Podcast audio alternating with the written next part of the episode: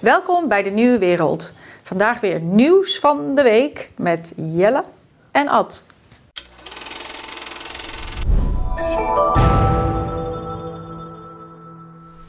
Heren, waar gaan we het over hebben? Wat vinden jullie? Er is best wel uh, een en ander uh, aardverschuivingen. Ja, nou, we hebben uh, natuurlijk de verkiezingsavond gehad met een een onrustige, geanimeerde avond. Ook, ook bij ons aan tafel. Dus het lijkt me goed om daar in alle rust nog eens over na te praten met elkaar. Ja, en wat, wat, wat zijn nu uiteindelijk de, de, de echte zetels in de Eerste, eerste Kamer? Ja. Is, dat nog, is daar nog iets van te maken? Ja, dus daar gaan we het een beetje over hebben. ja. ja. Uh, ik zou toch wel graag een beetje over de bank, de bankcrisis. Ja, Silicon Valley Bank. Silicon Valley Bank en de Signature Bank. Ja. Uh, Credit Suisse Bank, die, uh, die het moeilijk heeft. toch ook niet heel veel gecoverd in de mainstream media. Maar daar gebeurt er volgens mij ook wel serieus, serieuze aardverschuivingen. Ja, RTL Z heeft er wel het nodig aan gedaan. Ja, ja, het, vandaag volgens mij ook in de Telegraaf, dus het komt wel. Maar het is daar wel ook een aardverschuiving. Zeker. Dus dat, eh, daar, daar gebeurt ook van alles. Maar zullen we beginnen met uh, de reflectie op de verkiezingen? Ja. Wil jij beginnen? Ja, het was een leuke avond, hoewel niet heel erg DNW-stijl. Het was meer een uh, Maurice de Hond show. Maar wij hebben daar denk ik goed in gefigureerd. En... Uh, uh, ik, dus... ben, ik, ik, ben, ja, ik, ik ben toch ook wel enthousiast over de uitslag. Dus ik, ik moet zeggen dat die proteststem wel hartverwarmend is. Ja, ik kan er niks aan doen. Ik, ben toch, ja, ik, dacht, ik dacht niet van balen. Ik dacht wel van, nou, zo zie je maar. ik begrijp het wel. Um, er vallen wel een hele hoop dingen op waar we het over kunnen hebben. In de eerste plaats van, ja, wat kunnen de consequenties nou zijn van deze uitslag? Ik zag al een filmpje van uh, minister Van der Wal die toch sterk suggereerde dat wat de uitslag ook zou zijn geweest, het stikstofbeleid hoe dan ook doorgevoerd zou worden, omdat het al rechtsstatelijk verankerd is. Omdat er ook niet genoeg mensen zouden hebben gestemd op een stikstofkritische partij. Nou ja, aan de andere kant, uh, we weten waar de BBB voor staat. We weten dat het CDA zich inmiddels terug heeft getrokken. De handen van het dossier af heeft getrokken. En, ook recent, hè? Ja, vandaag. Ja. Uh, dus ja, uh, ja wat, wat, gaat er dan gebeuren? Hè? Um, ja, maar Caroline van der Plas heeft natuurlijk ook al wat gezegd over dat stikstofdossier, toch? nou, Caroline, uh, die, die stelt zich volgens mij nu, zoals altijd eigenlijk, heel vriendelijk op. Van nou, ik wil wel praten. maar of ze op dat dossier compromissen wil sluiten, dat vraag ik me heel erg af.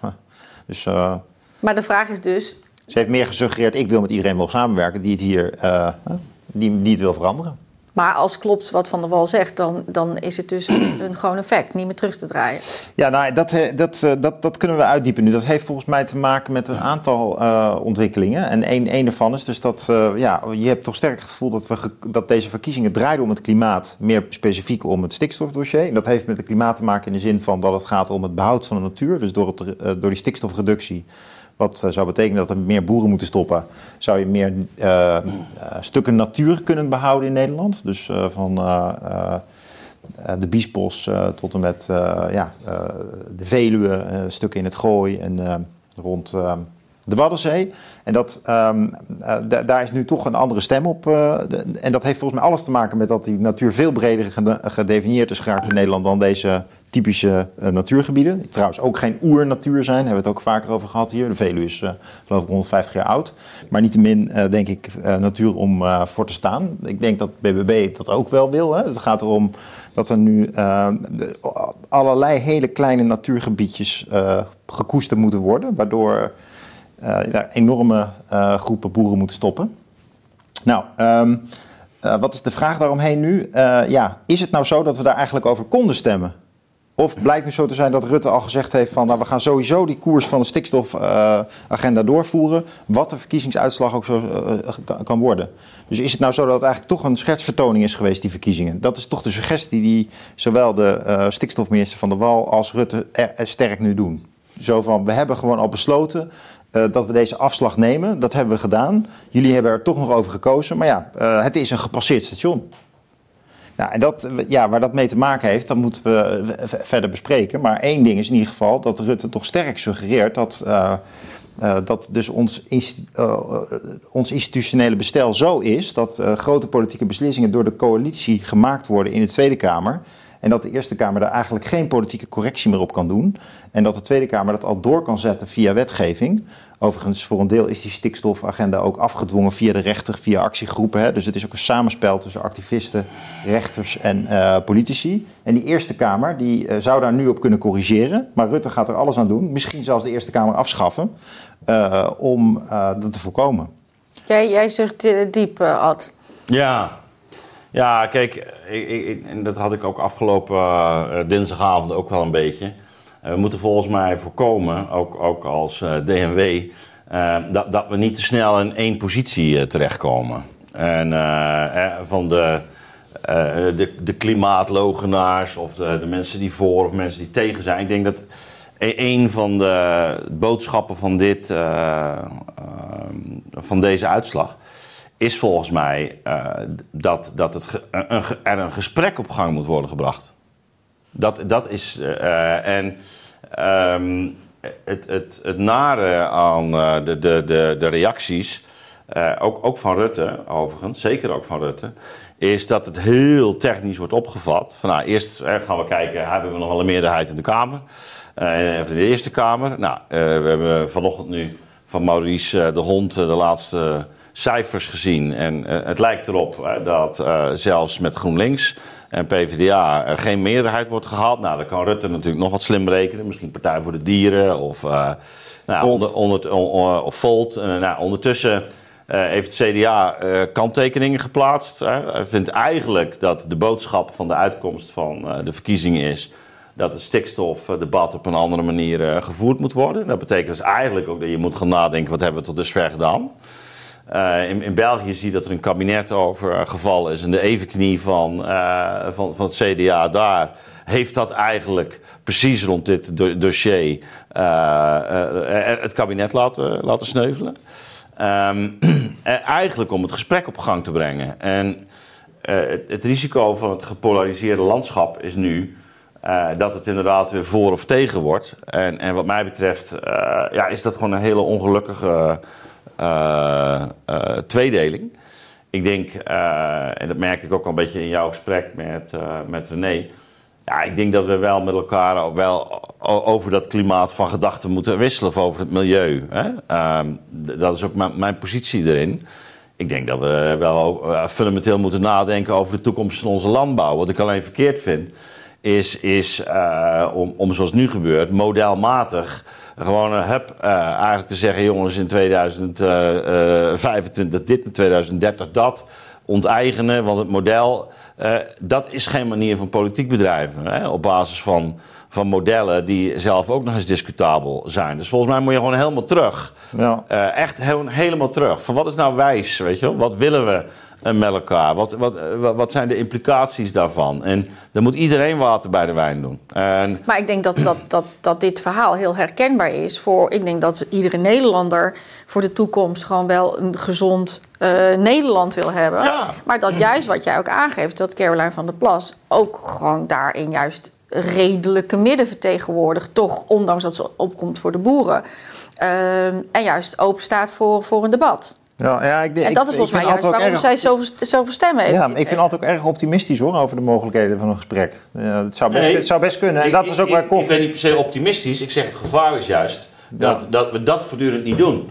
En dat de boodschap van, de, van deze uitslag nou eigenlijk zou moeten zijn... Oké jongens, uh, we zien dat het in Nederland eigenlijk rond een aantal dossiers gewoon vastloopt. Dat komt door een bepaald soort uh, manier van besturen. Uh, ook ook uh, een, een, een, vervreemding die optreedt tussen, tussen beleidsmakers, uh, tussen pressiegroepen en anderzijds de mensen uit de, de, de praktijk die ermee te maken hebben. Um, dit moet anders. We, we, kunnen, hè, we kunnen niet op deze voet doorgaan. Dat is volgens mij de boodschap. Ja, maar de boodschap, dat was ook al de boodschap van het Remkes-rapport. Ja, dat ja, die boodschap hebben, is al vaak gecommuniceerd. Alleen nu heeft het volk het ook gezegd. Maar, precies, en dat maakt het dus wel fundamenteel anders. En dan vind ik het dus jammer dat, het, de, de, de, de, dat we dit te veel in een, in, een, in een voor of tegen gaan uitleggen. Volgens mij gaat het erom, het gesprek moet opnieuw gevoerd worden. Dat is, dat is, dat is, dat is de boodschap. Nou, een van de interessante dingen die jij nu aanraakt, die in Maurice onderzoeken ook erg zaten, is de factor tijd. Dus het valt op dat het, uh, dat het uh, binnen de D66 en uh, uh, VVD-kader heel erg nu moet gebeuren. Hè? In 2030 is het allemaal anders. Dus een van de uh, bestuurlijke problemen die je ook in de Eerste Kamer zou kunnen tackelen met een beroep op dit is, dit is on, onkundig uh, geformuleerd beleid. Want de Eerste Kamer doet eigenlijk alleen maar een go-no-go. Die, die mogen eigenlijk mm. niet inhoudelijk zeggen van je moet het beleid nog een beetje aanpassen en dan, dan zeggen we wel go. Uh, maar als ze dat zeggen, dan is het altijd met een beroep op ja, het, het ambachtelijk klopt het niet helemaal. En dat heeft volgens mij te maken niet, niet alleen met dat er het gesprek niet gevoerd is, maar vooral, en dat het model tot uitgangspunt is genomen, maar vooral ook met de tijdslijn. Het is ongelooflijk hoe snel ze het allemaal willen veranderen. Ja, dat is, wat het klinkt als een klein ding nu, maar wat vervreemdend als je in 10 jaar 30% ja. van de boeren kwijt wil, eh, wat eigenlijk ja, nog te weinig is om het model te kunnen beantwoorden. Sowieso, alleen al dat, dat, je op deze manier formuleert, joh, dat kan helemaal niet. Nee, maar het is wel de staande praktijk. Ja, maar dat is dus precies wat er helemaal fout is. Ja, maar we, je... we, willen 30% van de boeren kwijt. Dit is als je zegt van nou, we willen gewoon uh, eh, 30% van uh, de, uh, de, de marktkooplieden kwijt. We willen 30% van de. Zo praat je toch niet over mensen? Nee, dat, nee. Dat, dat is dus, ja, daar maar, begint het al. Maar dat is natuurlijk toch het diepe onderbuikgevoel ja. van Nederlanders. Ja. Dat zoiets hebben, ja, nu is de boeren, de, de visserij is ook al gepakt. Nou, daarna is het MKB, daarna is het, uh, zijn het, is het onderwijs. Daarna is het, als jij zo dwingend iets kan opleggen. En, daarom, en dat, dat hebben we natuurlijk gezien bij corona al, hoe dwingend ze kunnen zijn. Maar de reactie is nog verder terug in die Ivoren Toren bepaald manier komt dat nog meer elitair over in de zin van we luisteren niet. Ja. En van, uh, uh, dus ja, dit roept volgens mij nog meer weerstand. Uh, Rutte die heeft het regelmatig over omgangsvormen. En dan zegt hij, zo gaan we niet met elkaar om in dit land. Hè? Doe eens normaal. Doe eens normaal. Nou, en betrek dat nou gewoon eens op, op de, de manier waarop we hier bijvoorbeeld over de toekomst van boeren aan het nadenken zijn met elkaar. Dat je met kaartjes komt en zegt, nou, zoveel moet eruit, zoveel dit. En dan hoor ik een dame inderdaad van uh, uh, Extinction Rebellion. Ja, wat moet er met die boeren gebeuren? Wat moet er met de boeren gebeuren? Dat is het type vraag. Nou ja, die moeten een ander beroep kiezen. Het is dus een totaal missen van, van uh, wat, wat, waar het om gaat. En, en hoe je met elkaar verantwoordelijk bent voor deze situatie. En dat je dus met elkaar uit moet zien te komen. volgens mij een heel groot deel van die stemmen gaat daarover. Van we moeten eh, op een normale manier hieruit komen. En niet uh, schermen met modellen die ook nog eens discutabel zijn. Uh, niet met, met pro procenten van nou, die gaan we uitkopen, zus en en zo. Nee, normaal beginnen met een serieus gesprek. Waarbij iedereen bewater bij de wijn moet doen. Dat is evident. Ook, ook de boeren. En uh, ik vind het trieste aan, aan weer, uh, aan de reacties, is we gaan rekenen of we het alsnog erdoor krijgen. Dat dit is een mas massief probleem.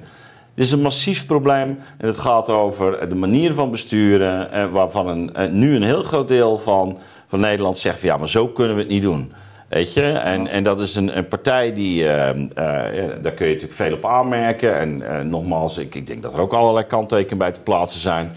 Um, maar maar uh, het, de boodschap is volgens mij heel, heel erg duidelijk.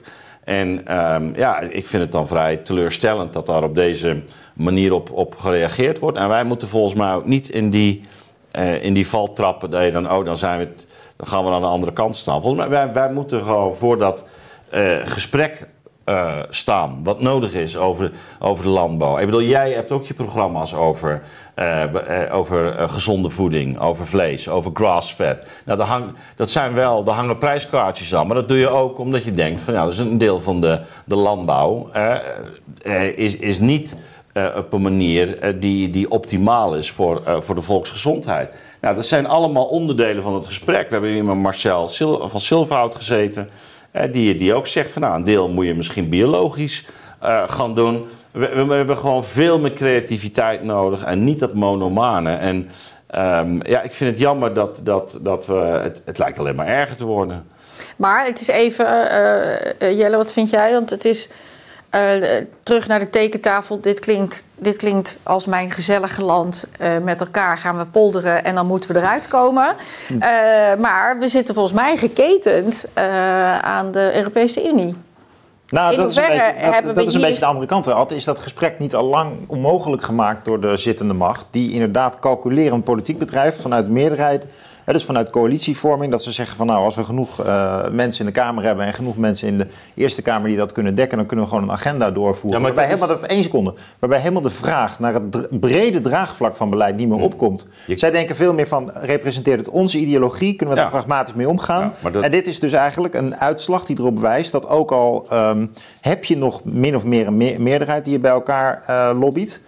Eh, dan moet je toch nog rekening houden met hoe andere mensen daarnaar kijken. Omdat het over hun eh, leven, levens gaat. Hè? Ja. Maar we zien dat ze dat bij de visserij al niet gedaan hebben. Dat ze bij de boeren zou het ook tegen kunnen vallen.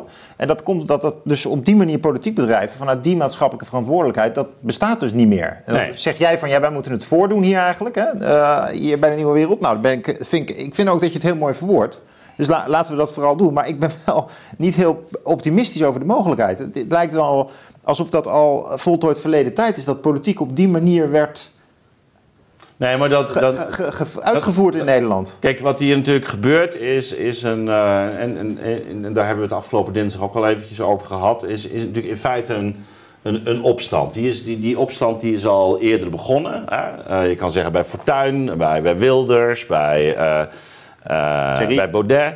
Ehm, nu eh, heeft hij een, een soort uh, ja, boerenklei-vorm gekregen. Hè? Met een, hij is niet zo hysterisch. Hè? Bedoel, bij Fortuyn zat er ook een soort hysterische toon. Bij Wilders, eh, eh, Kor- Korans verbranden. eh, ik bedoel, eh, na zijn verkiezingsoverwinning.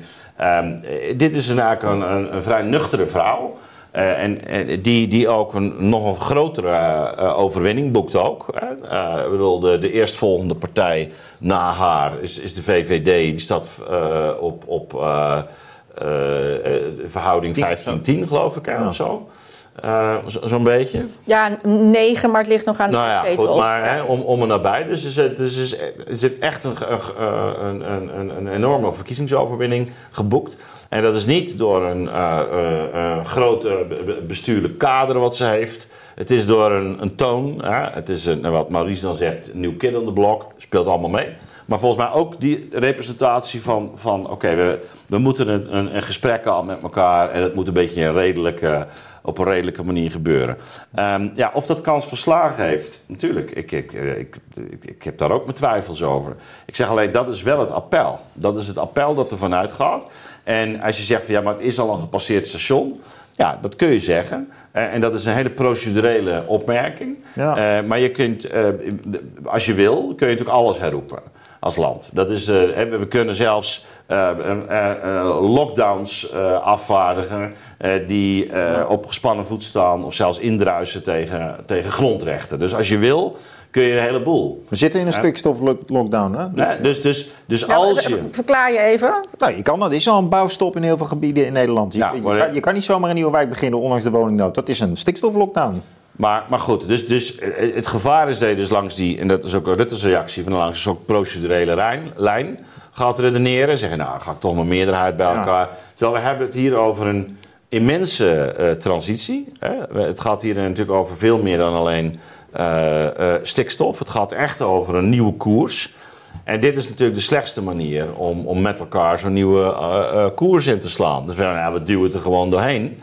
Ehm, terwijl je ziet dat het protest toeneemt. En dat heeft alles mee te maken dat je dus geen verhaal hebt eh, ten opzichte van eh, ja, de mensen die het eh, ook, ook treft. Maar ook een heel groot deel, inderdaad, wat jij zegt, die, die zich niet herkent in de manier waarop dit gaat. En, en, en dat hebben wij ook. Maar het is ook een botsing van een, van een agenda die eh, universalistische idealen nastreeft, bijvoorbeeld Ja. SDG's. En een beroep doet op eh, klimaatverandering op de wereld. En vanuit dat veel bredere ideologische kader, waar ook heel veel voor te zeggen is, wel legitimeert dat eigenlijk het zoveel mogelijk van het boerenbedrijf bedrijf moet stoppen. En dat is een heel andere benadering dan die van eh, Caroline van der Plas, die van onderop denkt.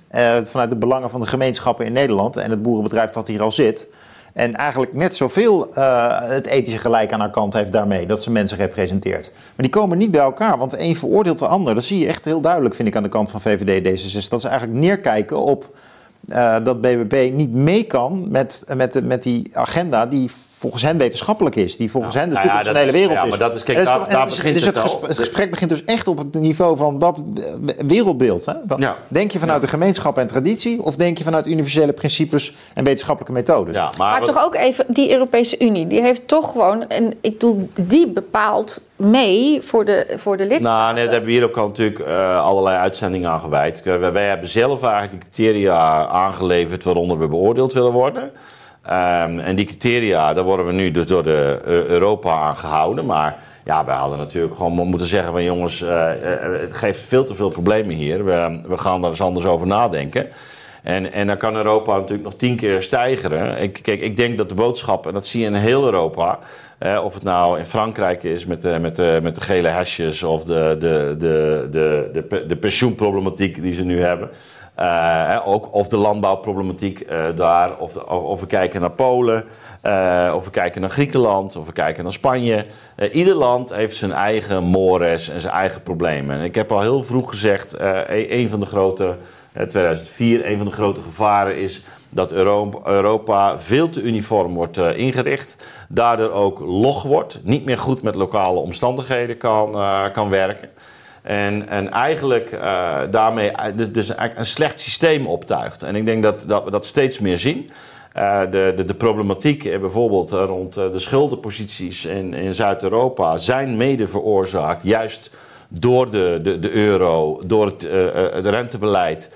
Waardoor ook die, die, die, die investeringen in vastgoed eh, en de, de, de bouw bijvoorbeeld in, eh, in eh, Spanje eigenlijk de spuigaten uitliep. Dat, kon, dat had normaal, onder normale omstandigheden, nooit zo eh, uit de hand eh, kunnen zijn gelopen. Maar wel omdat ze in, in, die, in die Europese Unie zaten. En daarmee eigenlijk ook tegen hele lage tarieven konden, eh, konden lenen en investeren. En, maar dat was eigenlijk helemaal niet verantwoord eh, in, in die Spaanse situatie. Maar goed, dat heeft te maken met, eh, laten we zeggen, toch een wat neoliberale oriëntatie van de, van de Europese grondwet. En eh, vrijheid van eh, eh, eh, verkeer, personen, goederen, kapitaal, diensten. Hè, dus dat is de hele. En, en, en, en, en daar lopen we dus tegen, laten we zeggen, eh, allerlei neveneffecten aan. Tot op de dag van vandaag. Nou, dat geldt ook voor die een milieuwetgeving. Ehm, het, is, het is ook evident dat, dat wij eh, in een, in zo'n dichtbevolkt gebied als eh, Nederland. ook wat natuur betreft, in een heel andere situatie zitten dan, dan, dan Duitsland of, of Polen. En, d- dus je zult, je zult daar op een slimme manier mee om moeten gaan.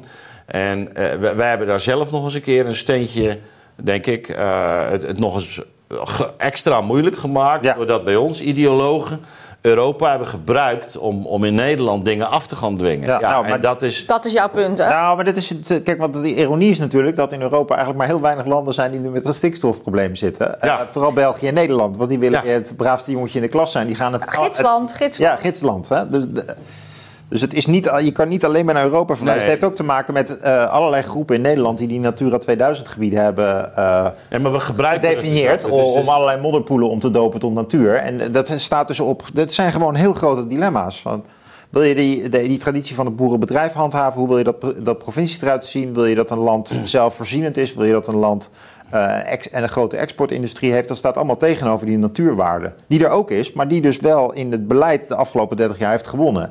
En vervolgens in Europa eh, juridisch is eh, geborgd. Ja, dat, dat, Maar dat is, dat is de Fransen, de, de, de Denen, die hebben dat niet gedaan. Op die manier. Nou hebben die ook een heel andere natuurstructuur. Daar wijst altijd wel terecht op. Hè? Dus dat zijn landen waar ze ja. ook heel duidelijk gebieden aan kunnen wijzen... die eh, als natuurlijk erfgoed worden gezien. Nee, dus het is eigenlijk een onderdeel geworden ook van een juridische eh, steekspel. En ehm, eh, dat, dat, dat compliceert de zaak. Dus je, de- en, en, dat, en dat is ook weer vertegenwoordigd in die partijpolitiek. Nou, Hè, dus, dus, dus, eh, en dat loopt weer door naar Europa. En, dus je ziet eigenlijk dat, dat we hebben een soort hybride structuren gecreëerd. eh, waardoor eh, je ook die vermenging krijgt van politieke vraagstukken die via Europese wet en regelgeving e- eigenlijk ja, juridische kwesties worden. Waardoor de politiek hier weer gegijzeld wordt. En weet je, dus het, het, het, het, wordt steeds lastiger allemaal. En ik denk dat, dat eh, eh, wat, wat hier speelt. uh, alles te maken heeft met, ja, en dat heb ik afgelopen dinsdag, woensdag, woensdag, heb ik dat ook aangegeven. Um, wat hier speelt is, is natuurlijk de, de, de, de, de, de, dynamiek in de netwerksamenleving, het proces van globalisering. Um, waar je in het verleden hebt gezien dat daar ook, laten we zeggen vanuit neo-marxistische zijde forse kritiek is uh, geleverd. Hè, de antiglobalisten, Negri en Hart, hè, militante groepen. Uh, en, en, je ziet dat het eigenlijk steeds meer een soort rechtse agenda is geworden. Dat, dat, uh, dat keren tegen dat globalisme. Denk maar aan wat, wat Trump doet in, of heeft gedaan in Amerika. Je ziet het in, in Nederland ook. Terwijl je kunt daar ook vanuit een meer conservatieve positie over nadenken. Nog wat mij betreft... Zoals de brexit is gegaan.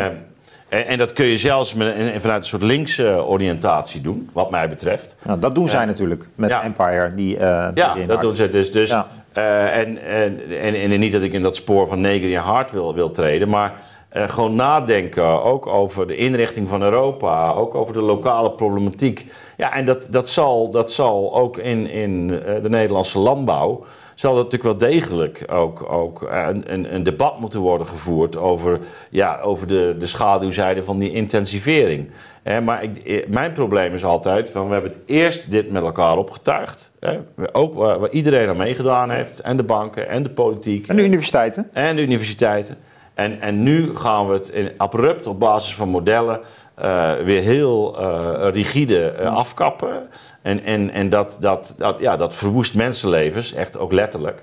Ja, en daar moet je, dat, dat moet dus op een veel wijzere manier gebeuren. En dat, dat is mijn ergernis. En, en ook nu in de reactie hierop, want volgens mij ja, hoe het CDA nu reageert, denk ik, nou oké, die, die begrijpen wel, oké, we moeten nu pas op de plaats, maar we zo. Ja, maar die zijn zo, afgedroogd. Ja, ja. Ik bedoel, op zich is de VVD, nou ja, oké, maar van, lijkt nu van 12 naar 9. Ik bedoel, niet zo hard afgedroogd, zeg maar. Nee. Dus het lijkt dan nog, en, en de D66 van 7... lager dan ooit, hè? Ja, maar van 7 naar 5, dan denk je toch gewoon van... nou, ik heb nog best wel wat te zeggen. Ja. Weet ik niet of ze zo denken, maar ik doe ze, ze... Nou ja, je ziet dat de PvdA is gedecimeerd de afgelopen jaren. Nu het CDA. En het zou ook kunnen dat ze klein blijven... en dat het VVD straks als Mark Rutte weg is... hetzelfde lot beschoren is.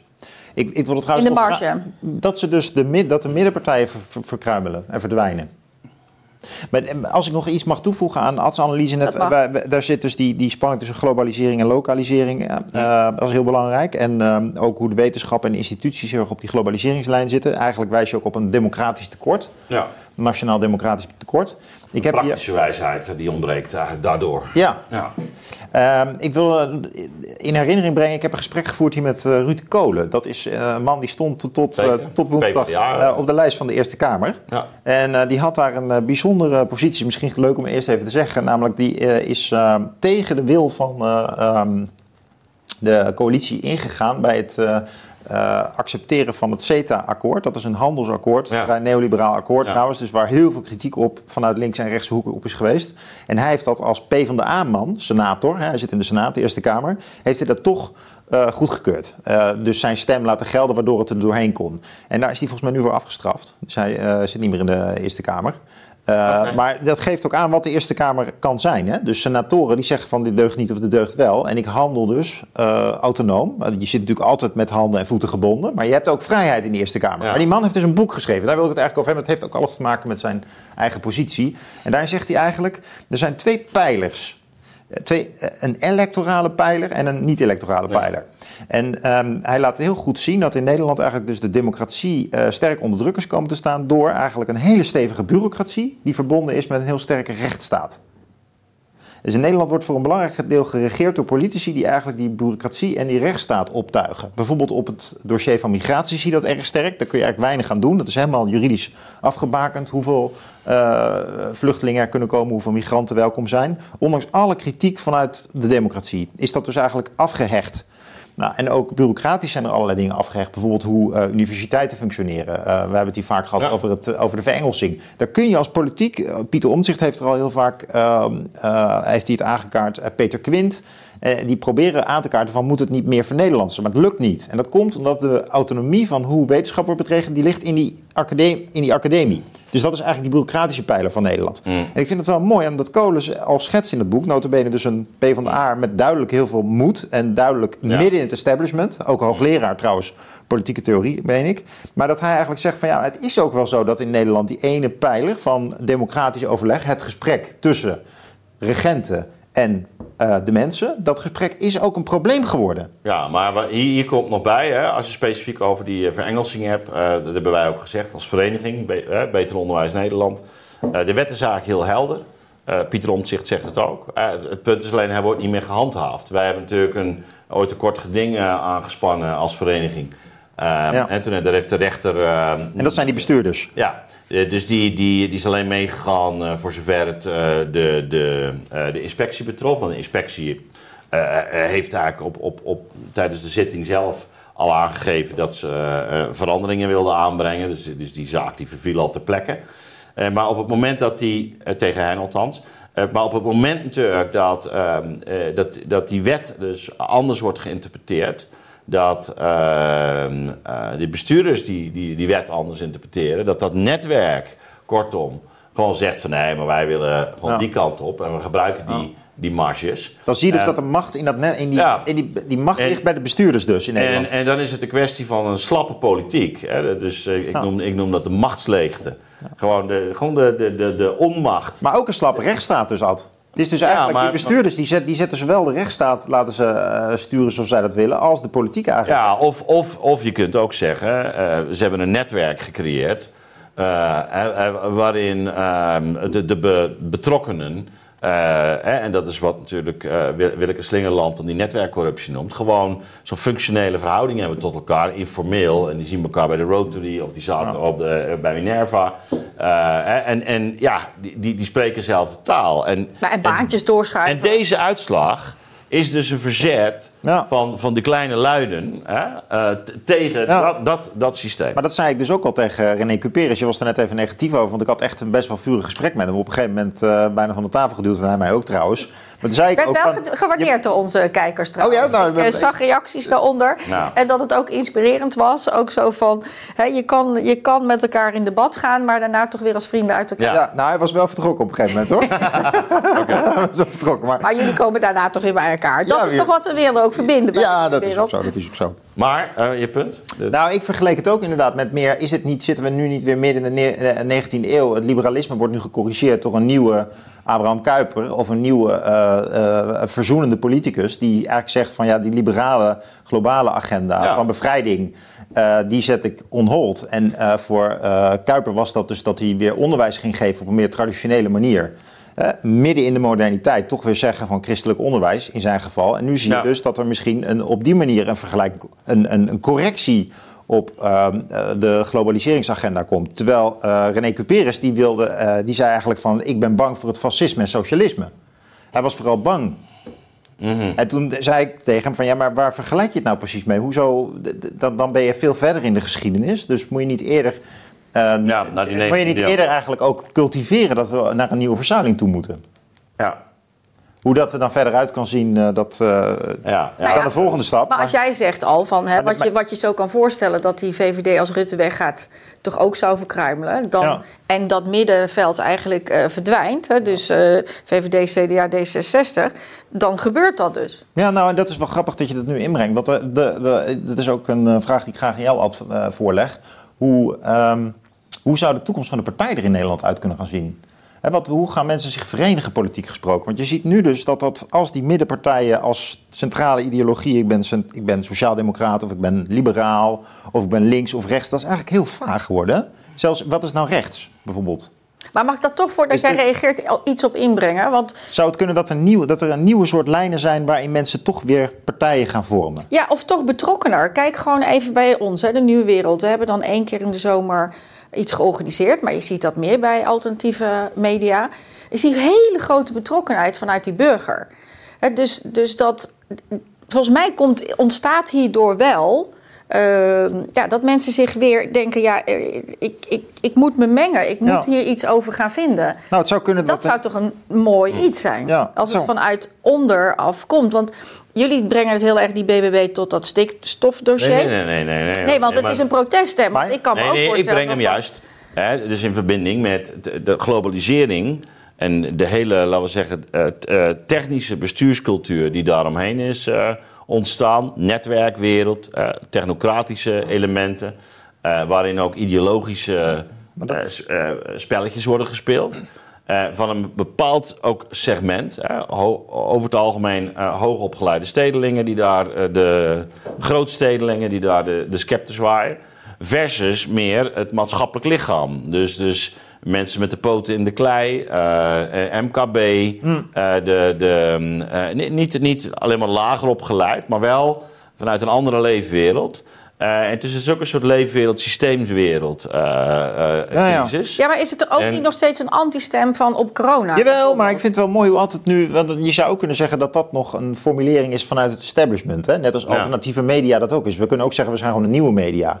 En zij zijn Ja. een stem van, Ja. eh, van het volk. Ze zijn de Oké, nieuwe kleine luiden. ja. Dat is een kleine lui. Het is tegelijkertijd een proteststem. Maar het is misschien, ach, nu altijd zo zegt, denk ik... Ja, misschien is het ook wel een negatieve framing al. Net als populisme. Ja. Ja, weet je wel, dat is vanuit Mooi. het establishment geredeneerd. Nee, dus ik denk dat er een ander soort identiteit is. Het, ik, zoals ik het zie, is het eigenlijk eh, de beweging die eh, ehm, rond 2005 zo'n beetje op gang kwam met, met die bundel beroepszeer hè, van ehm, eh, de Christendemocratische Verkenning. En ik heb daar met Gabriel van der Brink zelf trouwens ook nog een bijdrage in eh, eh, geschreven over, beroepseer, geschonden beroepseer.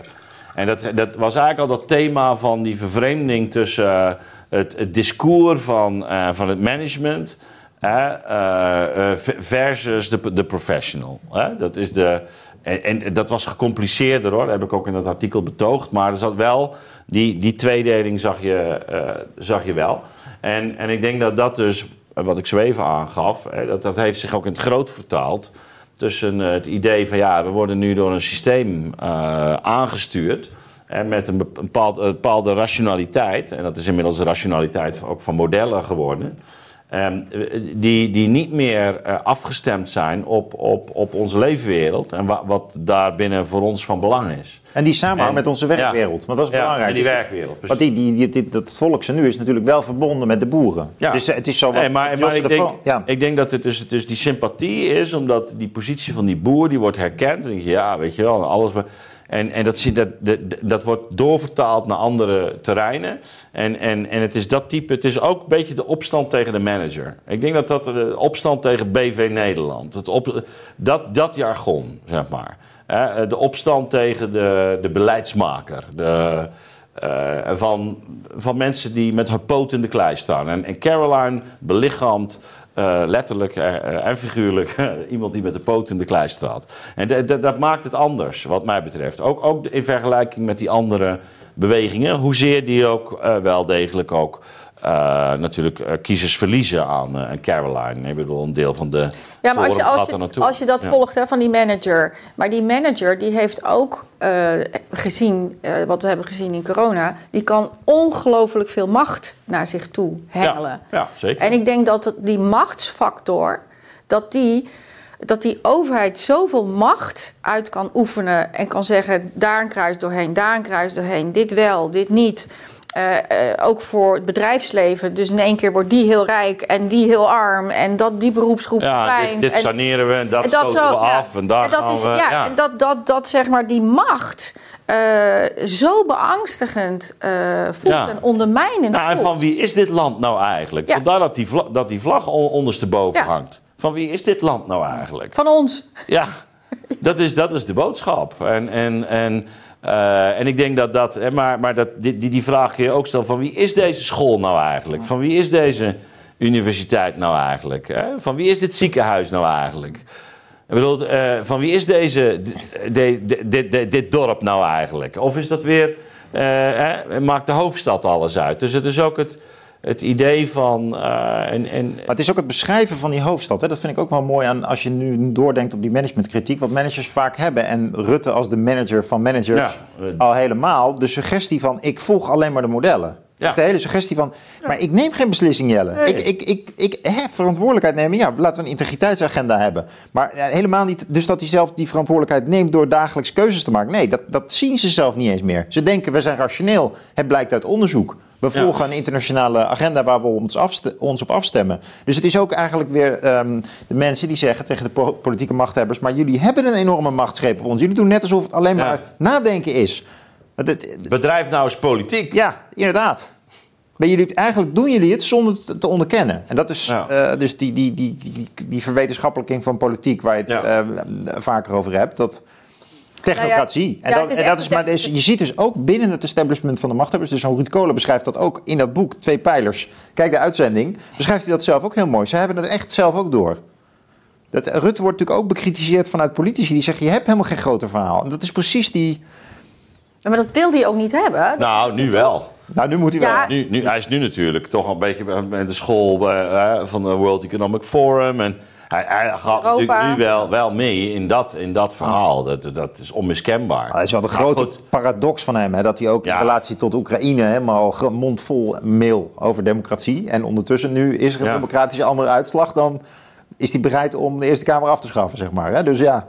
Nou, heeft, hij dat, heeft, dat, gezegd? Nou, er is een hele grote uh, groep intellectuelen in Nederland die eigenlijk zegt van die Eerste Kamer is dat niet een ouderwets iets. Zelfs Thorbecke was al tegen de Eerste Kamer. Mm. Maar bijvoorbeeld Wim, Kaag, Voer, Kaag Wim Voermans. Ook gezegd? Kaag heeft gezegd, Wim Voermans is iemand die eigenlijk uh, zegt dat is een relict uit andere tijden. Nou, dat is, uh, dat is wel interessant. Ik bedoel, toen, toen Pericles de, de, de Areopagen min of meer kalt stelde, was dat het begin van de ondergang van Athene. Maar goed.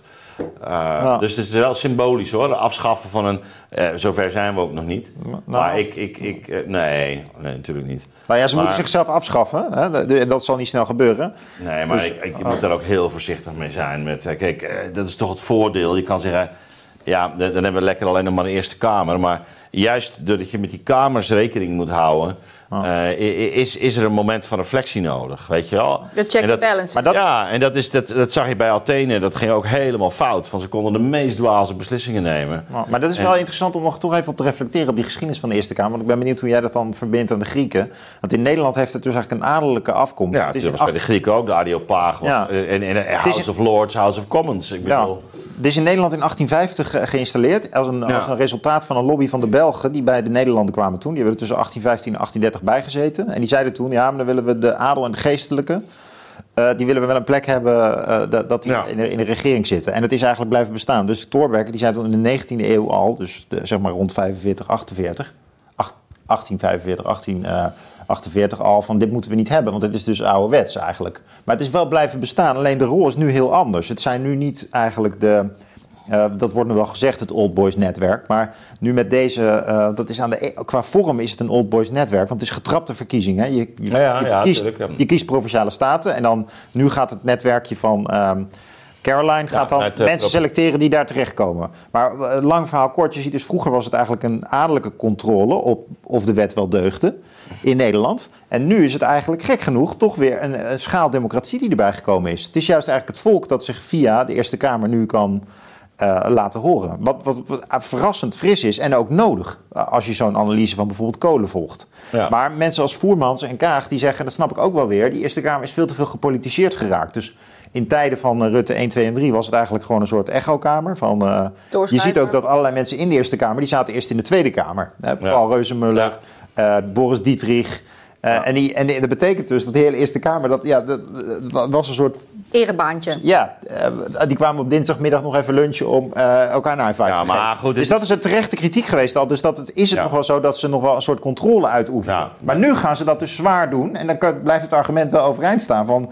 voegen ze nu niet juist te veel, uh, voegen ze niet te veel stempeltjes toe op beleid. Ja. Dus de, de, de, nou ja, er, valt nog veel meer over te zeggen. Maar... Ja, we moeten misschien in een andere context nog eens doen. Hè. We hebben, maar het twee-kamersysteem is natuurlijk al veel ouder dan Thorbecke. Uh, ook Hegel neemt het op in zijn uh, Grundlinien. Ja, maar ik had het even over de, de bestel van Nederland. Ja, ja, de nee, ideeëngeschiedenis ja, ouder. Ja, precies. En, uh, en, en daar zie je dus dat het bijvoorbeeld de, de, twee kamers was. De, dus de, de, de, de House of Lords en de House of Commons in Engeland. Maar bij Hegel ook de afvaardiging van de landbezitters en de adel.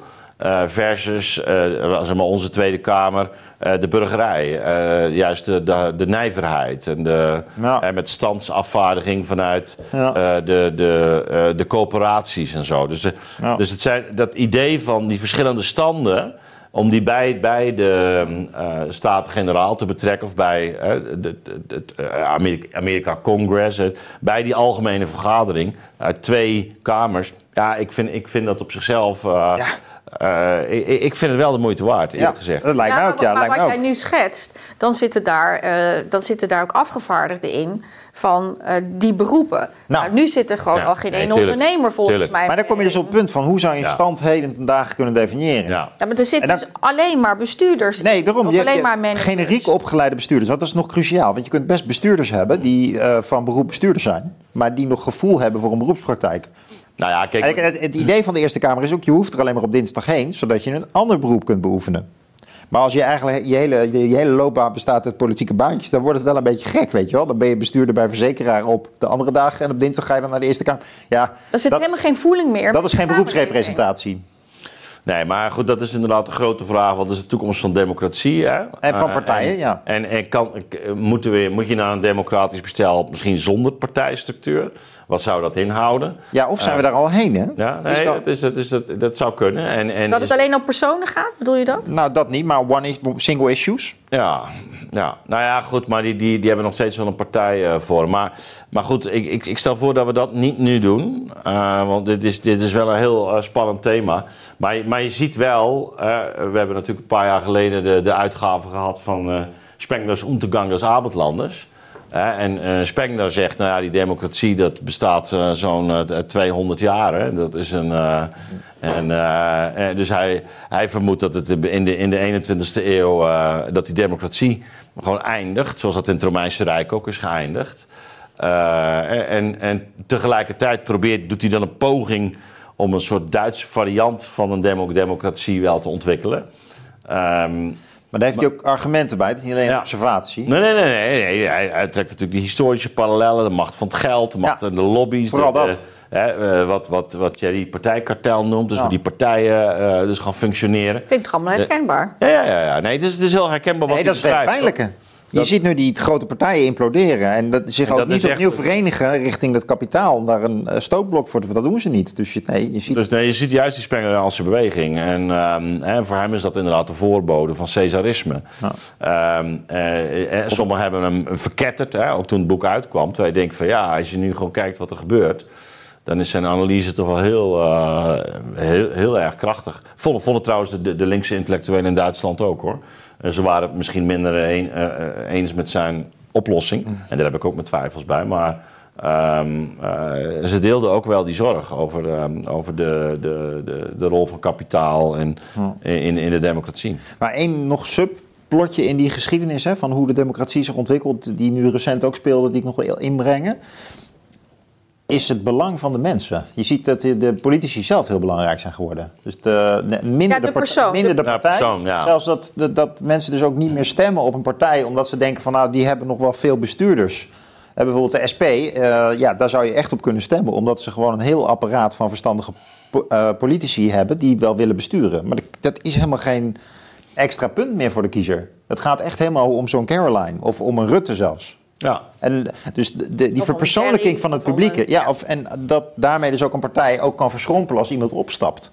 Bij, bij het CU is dat niet echt gebeurd, dan misschien een beetje. Maar terwijl het traditionele idee was toch dat de, dat de mensen niet belangrijker ja waren maar dan dat is idee. natuurlijk heel, die, heel dat aspect van Nou, het beeld. lijkt het dus ook ChristenUnie lijkt gehalveerd hoor, van 4 naar 2. Nou ja, dat zou er dat dus wel degelijk mee te maken kunnen hebben. Ja, ja. Dat, eh dat Zegers toch, eh, Ja, dat toch meer droeg dan ze door hadden. Nou, en dat, dat, dat ChristenUnie ook echt wel naar links is opgeschoven in het profiel. Hè? Dus eh, moet, je, Zeker. niet- moet je niet vergeten. Ik denk dat hij dus eh, de, de oude LPF, eh, nee, RPF eh, stemmer, eh, dan denk ik aan mijn vader, die, ging, die is overgegaan naar de ChristenUnie. Eh, maar dat is echt wel, de, de, de RPF was gewoon een vrij orthodoxe, ja, rechts, rechts-orthodoxe beweging. En, en, en, en, en de ChristenUnie heeft zich toch wel in toenemende mate als een links. eh, nou ja, dat partijen. verhaal over dat gebroken pootje van die krekel...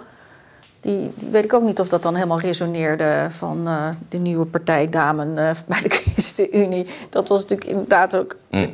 een heel vervreemdend eh, verhaal wat ze daar, daar hield. Mm. Maar Ad, ik ben benieuwd. Jij wil altijd ongelooflijk uitweiden. En nu zei je echt van, nou, daar gaan we hier niet verder op in. nee.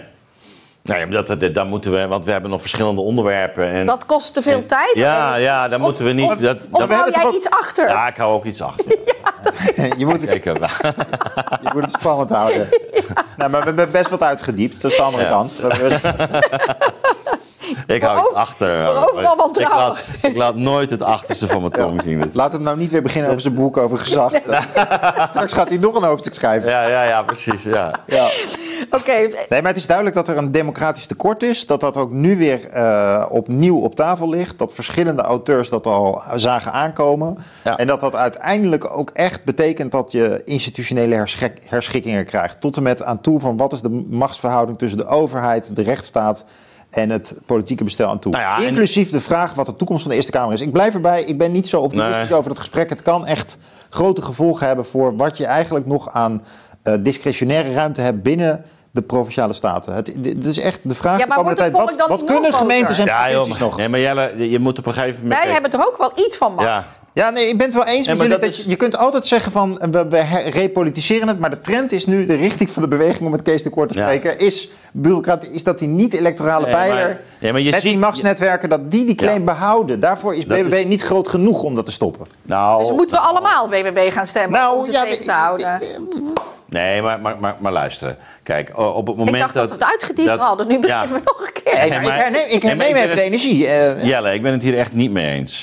Eh, eh, wanneer het, het, het, het volk heeft gesproken, hè, en, eh, dat ligt er niet om. Eh, wanneer je nu eh, in een aantal provincies toch colleges krijgt met, met BBB, waar ik toch wel van uitga. Ik bedoel, eh, ze zijn overal de grootste. Dus, dus dat betekent ook in de onder- onderhandelingen kunnen zij gaan, gaan starten.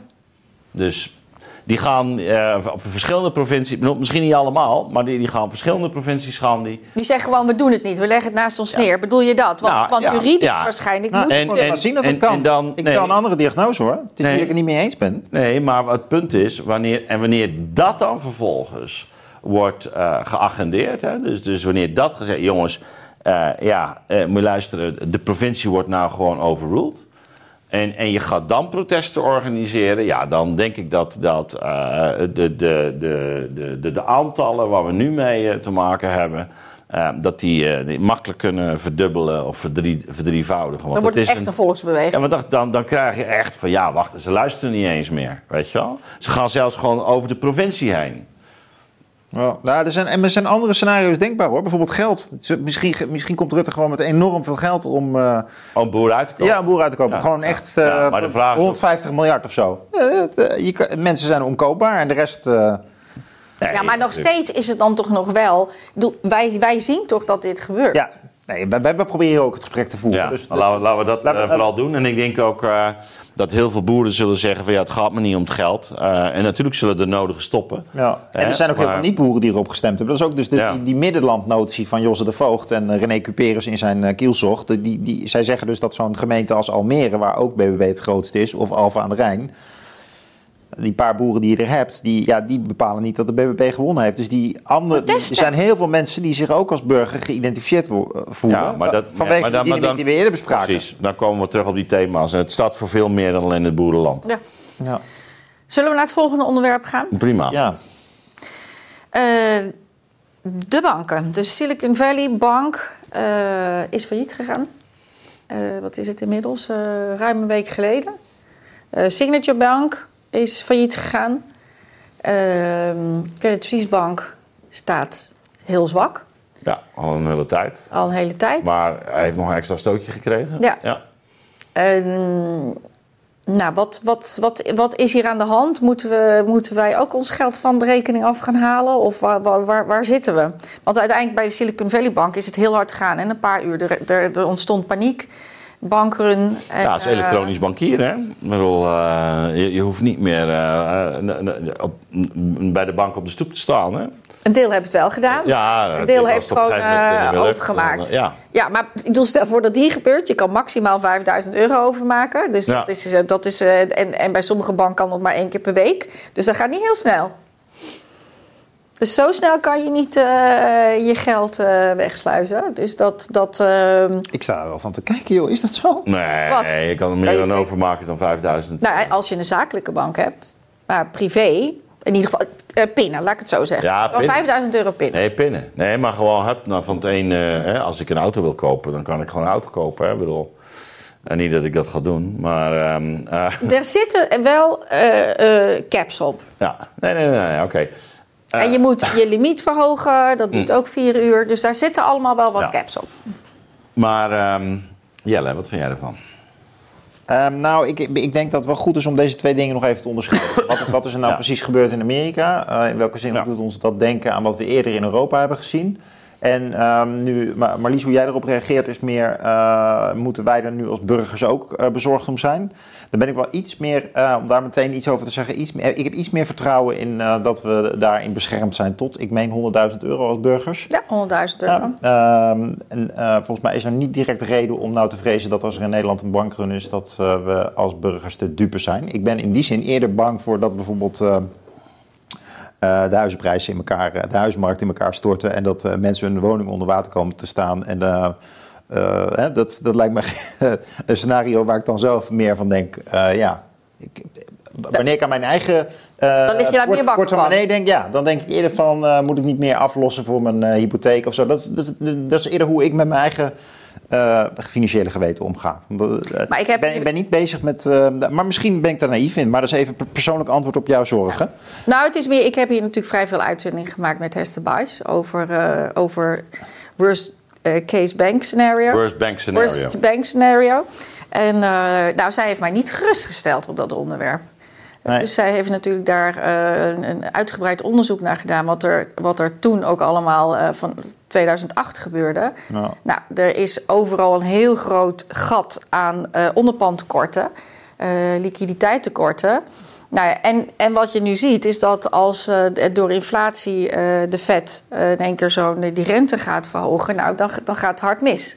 Ja. Nou ja, kijk, dat is de. Kijk, dit, dit- we zijn ge- geen van alle eh, experts op het terrein. Hè? Dus eh, ik, ik, heb, ik hou het wel enigszins bij. Maar eh, we hebben geen, geen Harold Benink. Die zal ongetwijfeld eh, ook, ook wel weer zijn eigen eh, visie erop hebben. Maar wat ik eh, in ieder geval zelf ook, ook eh, ervan eh, eh, begrijp. En ook, ook eigenlijk al een paar. ehm, eh, maanden geleden al eh, ook, ook aan het eh, eh, bekijken was, is dat je natuurlijk eh, in, in een ijl tempo ehm, als ehm, eh, overheid, in dit geval eh, de Amerikaanse overheid, maar ook in Europa, de Europese Centrale Bank, dat je die rentes verhoogt. Ik bedoel, dat hebben we allemaal meegemaakt. Hè? Dat, dat, dat is gedaan om de inflatie te bestrijden. Nou kun je afvragen of dat wel het geëigende middel is. Hè? Want de inflatie wordt vooral eh, aangejaagd eh, door, niet zozeer doordat de vraag nou zo toeneemt, maar doordat eh, het, het aanbod duurder wordt hè, of afneemt. Hè? Dus, dus bijvoorbeeld tekort aan Russisch gas, de, de, de, voedselprijzen die stijgen, ook omdat we te maken hebben met problemen in de voedselproductie. Ook, ook, Ook heel toename van ook de logistieke van gas, keten. lo- logistieke ketens. Dus ja, eh, maar, maar goed, eh, de Amerikaanse overheid, ook Europese, hebben erop op, op gereageerd. Of centrale banken, maar dat is natuurlijk wel een klein beetje een onderling overleg. eh, door, door die rente te verhogen. Nou, dat betekent dus dat er nu al geruime tijd allemaal staatsobligaties op, op de markt komen. Ehm, ja, waar je een, eh, ge- gewoon een, een, een, een redelijk eh, rentepercentage voor krijgt. Alleen eh, dat in het verleden natuurlijk heel veel eh, obligaties op de markt zijn ge- gebracht. Soms nog zelfs met een negatieve rente. Hè, waar we op een goed moment eh, landen als Duitsland, ik geloof zelfs Nederland ook. eh, Ja, Nederland ook. Hè, hè, met, met min en min een half procent. Dan moet je geld op toeleggen. Ja, moest je geld op toeleggen. Ehm, nu hebben we grote inflatie. Ehm, eh, we hebben nieuwe obligaties. Waar je dus eh, die rentes in ziet stijgen. Eh, ja, en, en, wat, wat doe je nou met die oude obligaties? Maar die, die dienen wel als onderpand. Die dienen wel als onderpand bij, eh, bij banken. Nou, en op het moment... De, En er was dus eigenlijk al een onderpandcrisis hè, vanuit ja, 2008. ja. En, en, en, en ik, heb het met Arnoud Boot in, in het verleden er wel eens over gehad. En je kunt ook twisten over of, of die onderpand ook bij de, bij de Nederlandse, in de Nederlandse rekenregels, of die eigenlijk ook wel zo eh, safe zijn. Hè. Dat, dat, dat- er zit ook een deel van de hypotheekportefeuille zo in. En nou goed, kun je, kun je Ja, ze hebben daar helemaal hun eigen dus ze hebben daar hun eigen. begrijpen Hij is daar ook vrij, vrij kritisch op. Ze moeten hem binnenkort misschien wel weer eens uitnodigen. Maar hoe het ook, hoe het ook zij. ehm, eh, wanneer je dus, eh, zoals in het geval van een, van een bankrun, uh, ook, en die kan bescheiden zijn, gewoon liquiditeiten nodig hebt, dan moet je dus een deel van het onderpand gaan verkopen. Nou, het, het, het, punt is dat die obligaties gewoon geen, geen bal meer waard zijn. Die, die moet je gewoon uitzetten, dat is het beste. Dan krijg je misschien nog. en, en, en dan, hè, dan, dan is het klaar. En dan, maar op, op, het moment dat je acuut geld nodig hebt en je, moet je onderpand verkopen. Wat bij Silicon Valley, wat bij Silicon Valley en ja, dan moet je dus naar die obligaties.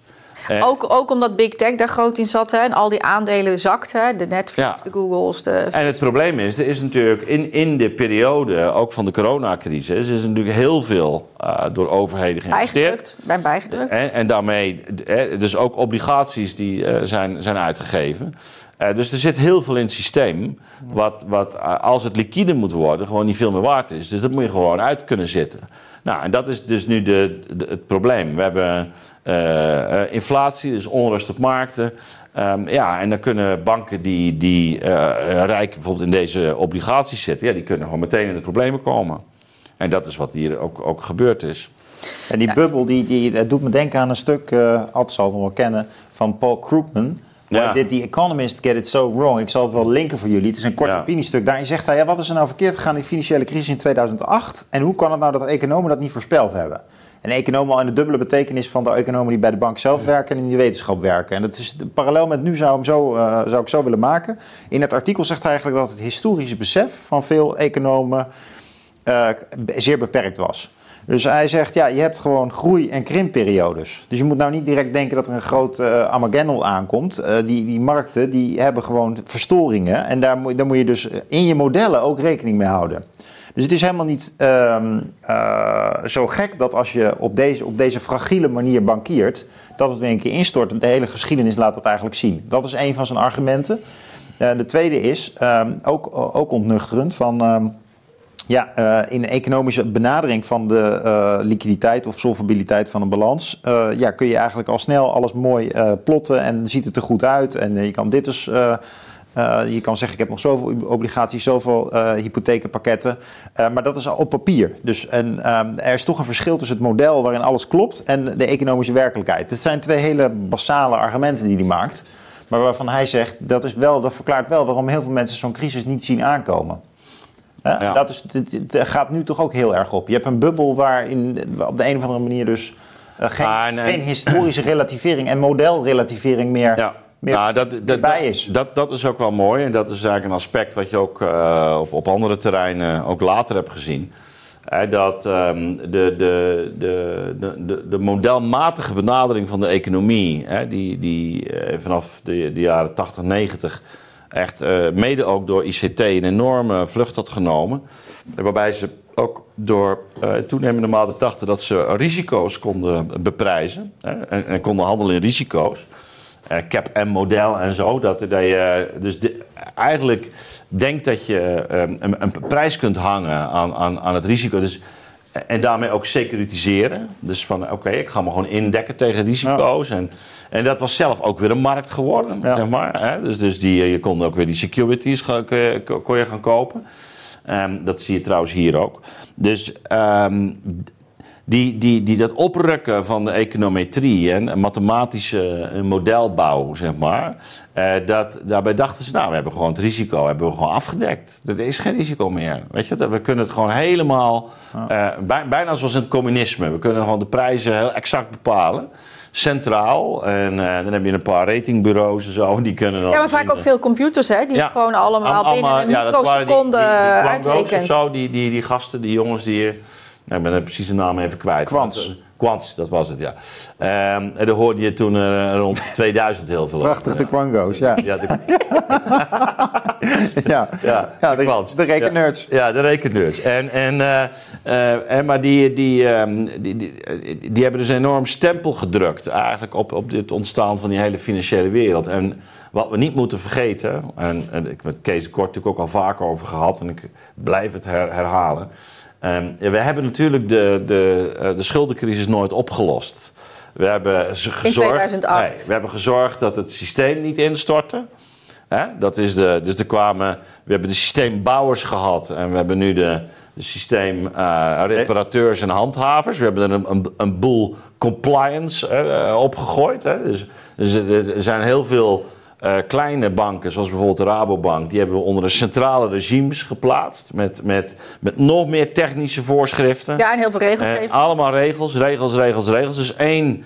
Uh, eigenlijk een regelfabriek geworden. Europa is daar ook natuurlijk volop mee, mee van, van start gegaan.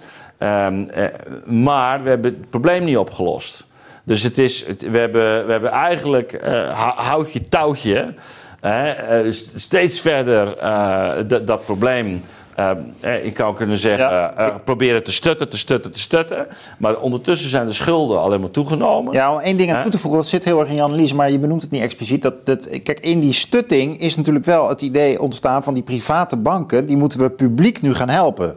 Dus het is heel veel publiek. In die zin is dus het schuldenprobleem van de 2008-crisis is genationaliseerd en ook ver-Europeaniseerd. Ja. Dus Europa heeft ook heel veel van die probleemproducten van uh, landen balans, die weer de hebben van, van banken op de balans. Kijk, dus Europa is volgeladen eigenlijk met de schuldshit van de, uh, van ja. de Italiaanse, de Spaanse en ook de Nederlandse banken. Hey, de, de, de, uh, ik, ik, zal niet naar mijn boek verwijzen, maar... ABN AMRO bijvoorbeeld? Maar, ABN AMRO.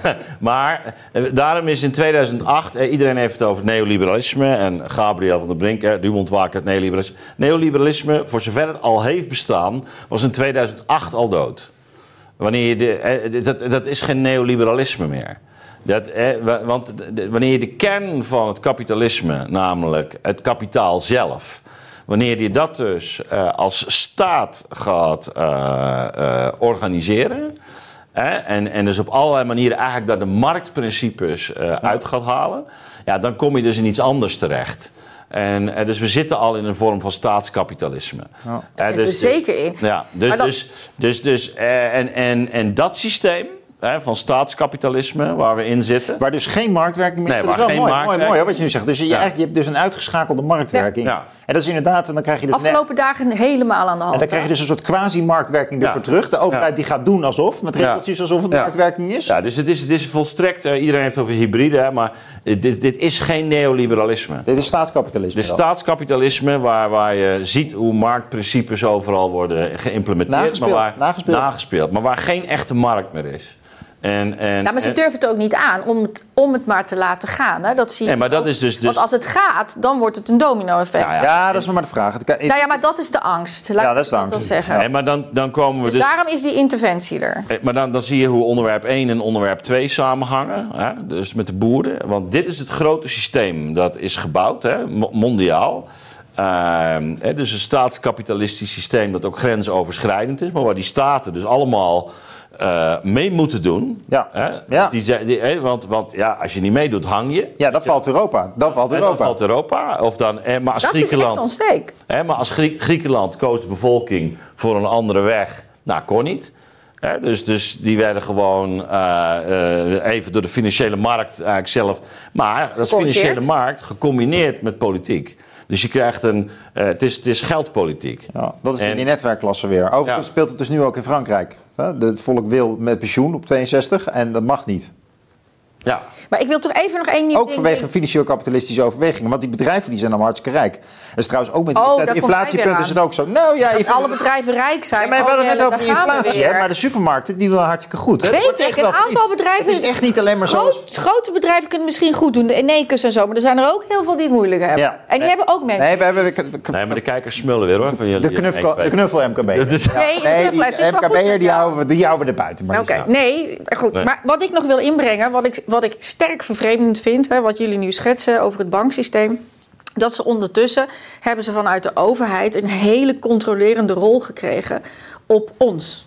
Ja. Wij, want oh, wij zijn allemaal misschien dat wij wel dingen uh, zwart doen en dingen wit wassen. En nou, dat, dat is ook best wel een beetje. Uh, ja, maar dat is. Kijk. uit. Ja, uit, uit we, nou, dan moet je apart een keer uitwerken. Maar dat... Dit moeten we ook apart ja. uitwerken, maar een geweldige vraag. Maar kijk, het heeft natuurlijk alles te maken met. de politie zei vroeger altijd van. Um, hè, dus dus uh, ken je buurt, hè? dus ken je wijk en zo. Hè? Dus je moest Dicht bij de mens. Nok, kennen. Nok en talk. Ja, dus gewoon weten gewoon wat er speelt en, uh, en, en, en, en, dat is belangrijk. Nou, de, ban de bank uh, vroeger, hè, die, die kende zijn klant. Hè. Dus, dus, als ik uh, vroeger als student al hier op Rapenburg naar de bank ging, ik kende al die dames, kwam iedere week, weet je wel, een plaatje maken. Kreeg je nog een kop koffie, sluit je uiteindelijk ook je hypotheek af. Weet je wel, zo, zo, zo ging dat. En, en bij de Rabo was dat natuurlijk nog veel extremer. Dat is natuurlijk allemaal gedigitaliseerd. Ja, al die, al die Ah, kantoren is allemaal, zijn weg. Het is, het is allemaal weg. Dus ze kennen hun klant niet meer. Dus wat we moeten gaan doen, is moet, moet overal krijg je compliance. Dus, dus die compliance, dat, is een, dat- is eigenlijk een systeemcorrectie voor de vervreemding. Dus, dus, eh, omdat je dus niet meer je klant kent. Dus alles moet in regels. Dus ik denk ook dat nu een groot deel van, eh, eh, van, van nee, ik denk niet, dat kun je ook zien, een groot deel van de bank is nu bezig, eigenlijk als een soort IT-jongens,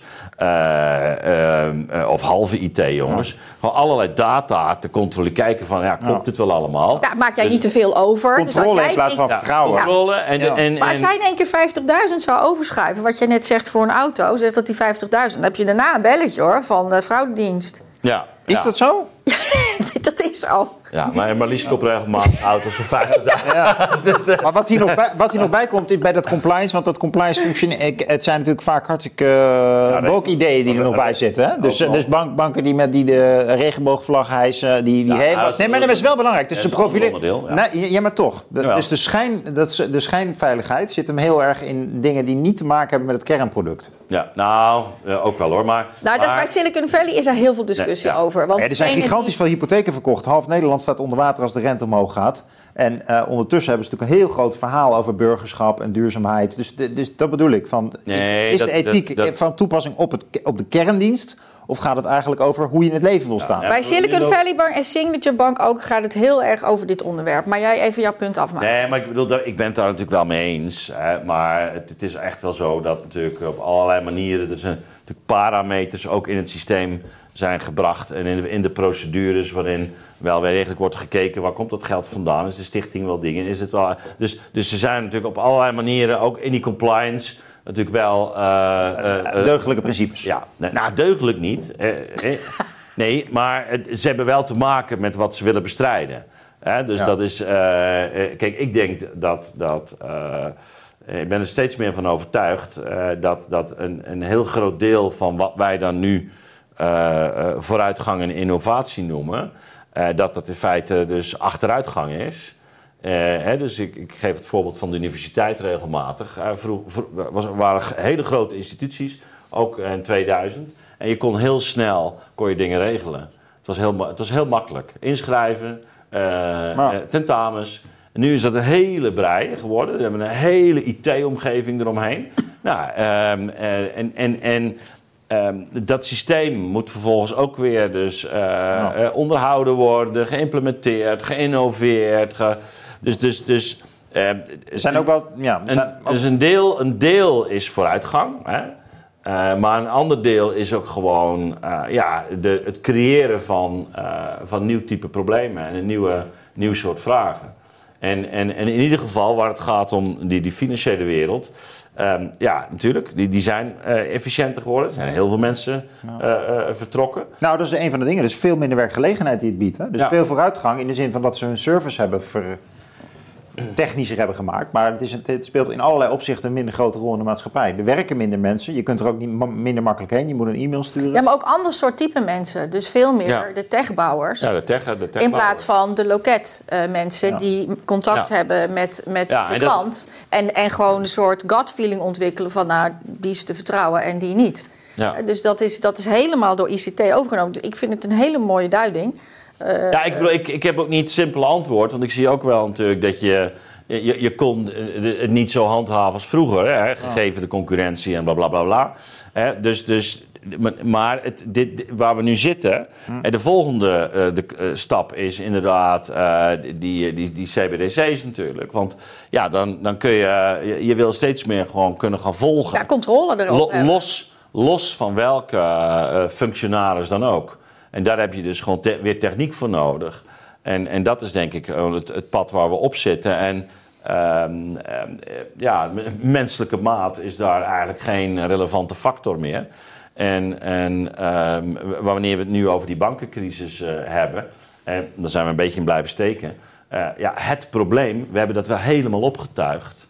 Maar het probleem eh, is natuurlijk dat die eh, schuldenproblematiek die is alleen maar verder toegenomen. Ja, ik dacht ook dat je dat ging zeggen net, dat je zei van innovatie is eigenlijk achteruitgang. Ik dacht dat je ging zeggen, we leven op de pof. Ja. We hebben die Nee, maar- schuld- we hebben die we, die- zitten niet, we zitten niet op de blaren. Ik dacht dat je die kant op wilde. Nee, ja, ja, nee, natuurlijk. natuurlijk. Dus, de- maar dat, is- dat is één kant van het verhaal. Dus, dus de ene kant is, we hebben een, een, een steeds technischer financiële omgeving gemaakt. En dat gaat steeds verder nog door.